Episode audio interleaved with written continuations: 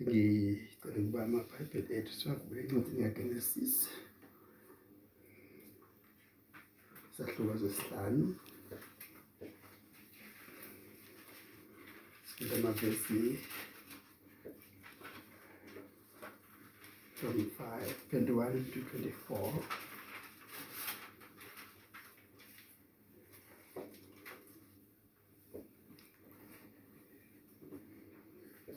Siyabonga Nkosi kusuku siphelana. Kuhlangana nabantwana ufunda izwi lakho. Siyabona izwi lakithi liwumlilo. Ngenxa yeziphuphuku zabaholi abangenambono. Siyathandaza ukuthi wena Nkosi kuwachitheka igazi. Sibonga ukuthi kuzuke manje akulike igazi lichithekile. Enze njalo ke. Xamalala aphume ejele. Hlale namndeni wakhe nabantwana bakhe.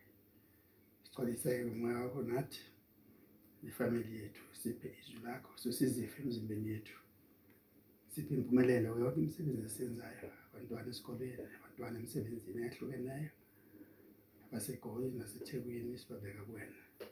Sibusise egameni likaKristu inkosi. Amen. Amen. ifunda lamazwi indaba emfishane nje. Enoch wahamba iminyaka engamashumi ayisishaya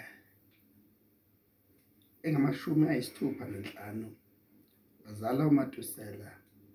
Emva kokuzalwa kukaMatusela uEnoki wahamba noNkulunkulu iminyaka engamakhulu amathathu.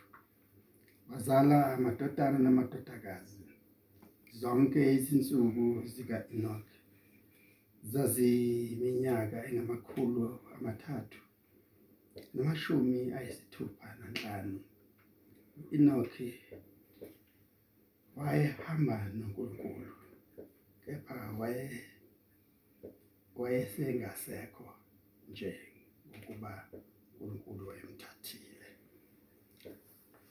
uMaheberu sifunda ukuthi uEnoki akabonanga ukufa ngoba wahamba noNkulunkulu. Le ndaba namhlanje na?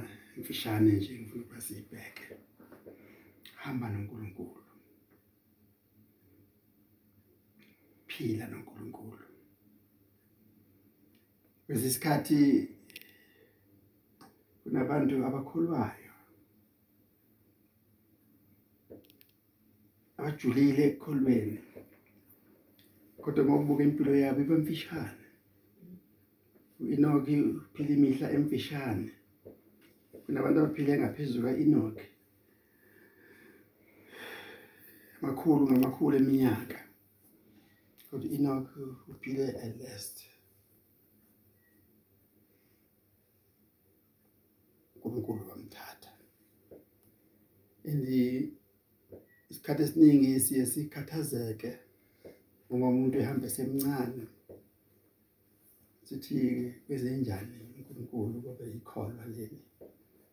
uNkulunkulu ubuka ngaphambili ubuka ingqinamba ezingaphambi kwakho abone ngakuzicross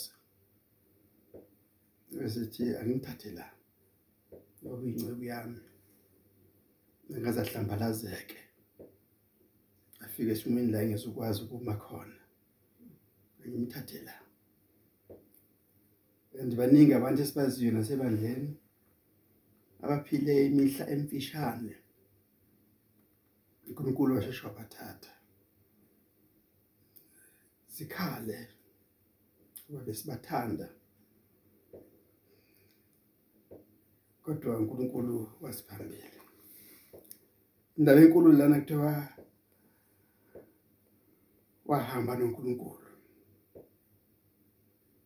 Kwesikhathi kuthiwa wazala amadodana namadodakazi sengathi iuniting yakhe noNkulunkulu engekho that strong.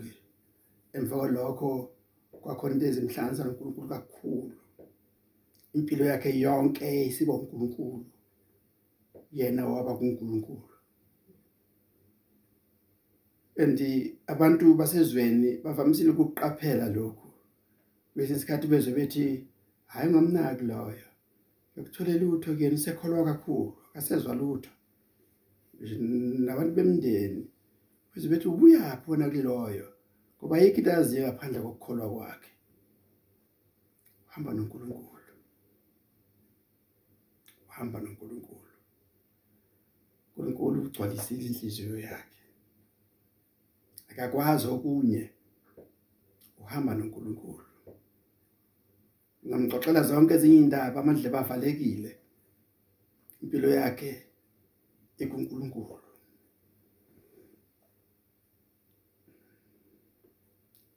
wengumuntu njengabantu bonke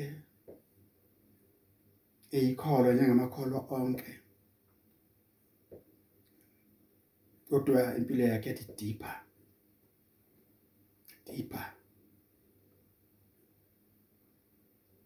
Ndilokhu akushayo uPaula ngelilanga uma ethi umuntu angabe sangihlupha ngoba mina ngimbethe emzimbeni wami inhlupheko zonke zikaKristu. okukaJesu konke kukumina. Ikholwa lifanele libe njalo. Ikholwa lifanele libe njalo. Amandla okukholwa aqale ekhanda aziyophuma ozwaneni impilo yakho ingacompromise ngajoka ngazinye izinto kodwa hayi ngendaba kaNkuluNkulu. Hamba noNkulunkulu. Hamba noNkulunkulu. So njalo ingoma endala ethi kumnandi ukuhamba noJesu. Kuseni nasemini ngesikhathi zonke kumnandi ukuhamba noJesu. Wayehamba ngokukholwa. Wayehamba ngokukholwa. Zonke izinto ezibuka esibukweni sokukholwa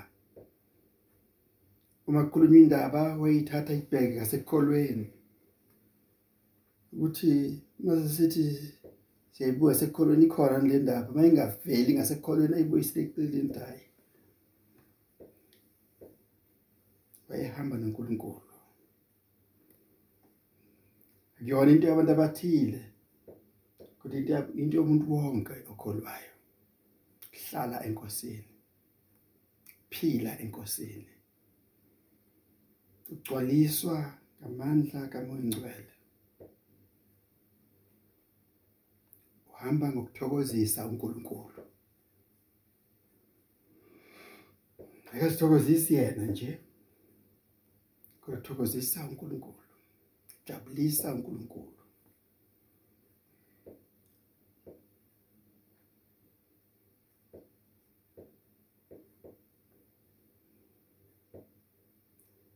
Kazange satholwa uNkulunkulu wayemthabathile bonke abantu baphilile bahamba bakhula bagula bashona. Bangcwatshwa kodwa Enoki alikho ithuna lakhe. Ngikhumbula ukuthi lana uGenesis lona asikho kwincwadi yamakhosi. La sibona khona uEliya ethathwa inqola yamahashi eh silako Genesis just right from the beginning uNkulunkulu prove ipoint lokuthi bengakudalanga ukufa. Ukuthi kube indlela esisa kuyena nje basisho njalo masingcwaba kodwa wedala ukuthi umuntu wakhe ahambe naye amthathe. Khona la kuGenesis uvula ikhethini lokuthi kukhona ukuhamba noNkulunkulu. kuEliya sibonile inqola yamahashi simbonile uElisha egijima emva kwakhe. Simbonile uElisha babaza ethi hawu Nkosi yami inqola yomlili inqola yamahashi eyithatha inkosi yami. Sikubonile lokho kuEliya. Enyuka. Kodwa uEnoch hambe noNkulunkulu. Disappeared. Disappeared. Ukukholwa akubonanga ukufa. Hamba noNkulunkulu. And eh, lokhu okwakuprofeta ukwenyuka kwenkosi uJesu. Ukwenyuka kwenkosi uJesu. Wenyuka phambi kwabantu. Wanyuka bembhekile inokhi wahamba nenkosi. Hamba ngokholwa.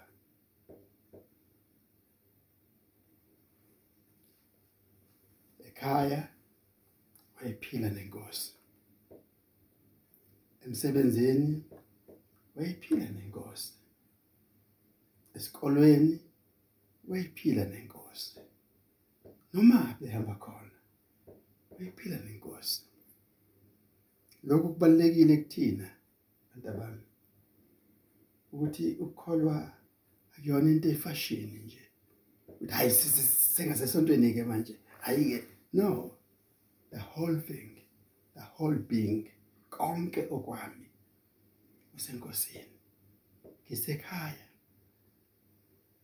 ngijabule ngikhala ngigula ngiphila nenkosi. Ngingowenkosi angisiyena owami. Ngowumsindisi wami othembekileyo uJesu Kristu ekuphileni nasekufeni. Kuzo zonke izigaba zempilo ngihamba nenkosi. Ngihamba nenkosi. Ande lokhu kusiza ukuthi ungazumeki. Noma uthi uyasihambela kuqhamuka inhlamvu ikushaya ulala tiphansi usenkosini. Phenduka imoto ushone usenkosini. Ukuze bathe bathe abantu awukodwa inkosi yami ngabe litholile ithuba lokuthandaza? Cha i always ngisenkosini. Impilo yami iwumkhuleko. Impilo yami ikuJesu. Inokhi hamba noNkulunkulu. Akazange akubone akakwazi ukufa. Ngoba inkosi yamthatha. Inkosi yahamba naye. Lesikhathi esinzima esiphila kusona sathi uNkulunkulu angasisiza siphile noJesu. Ingakho kuthunyelwe umoya oyingcwele ukuba zosigcwalisa ukuba hlale kuthina kube easy ukuphila nenkosi. Umoya kaKristu ukumina umoya kaNkuluNkulu uphila kumina. Asihambeni asiphileni asihlaleni nenkosi. Amen. Amen. Musa inkosi uJesu uthando kaBaba uNkulunkulu inhlanganyelo kaMoya oNgcwele Akube nathi sonke azafika uJesu Kristu inkosi yethu. Amen. Amen.